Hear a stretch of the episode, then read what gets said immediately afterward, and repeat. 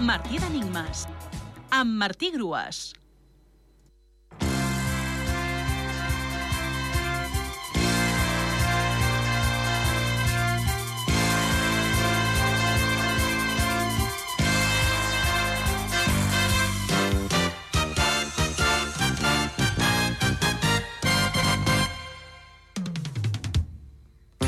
L'enigma de divendres era és una enginyosa dissertació que sovint se sol convertir en una amonestació de cinc lletres i la resposta era sermó.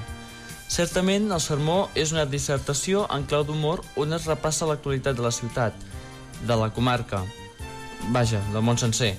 Més d'un s'hi veu reflectit. I, renoi, com molt això. A la pista que us vaig posar sonava la sintonia del Telenotícies de TV3 de l'any 2005 i representava l'obertura de l'actualitat informativa. Hola a tothom, benvinguts a Martí d'Enigmes, el programa de Solsona FM que us vol fer jugar amb la llengua catalana. Com ja sabeu, últimament se sent a parlar molt del conflicte entre Rússia i Ucraïna que va començar fa unes setmanes.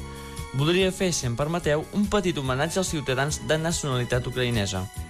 És per això que els enigmes d'aquesta setmana aniran sobre la idea de que la humanitat no aprèn dels seus errors. El primer enigma és aquest. És la paraula més lletja del diccionari i viatja en un corp, de sis lletres. És la paraula més lletja del diccionari i viatja en un corp, de sis lletres. Ve d'un mot germànic que vol dir discòrdia, baralla.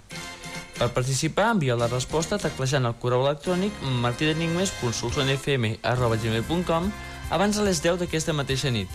Fins dimecres, gent. A les 12 us proposaré un nou repte. Salut i molta sort a tots.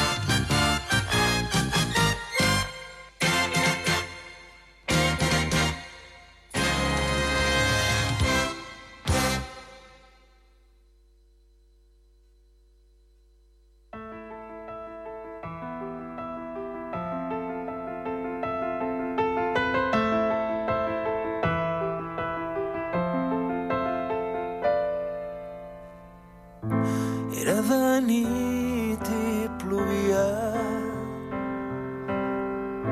Em vaig girar i la vaig mirar al sud.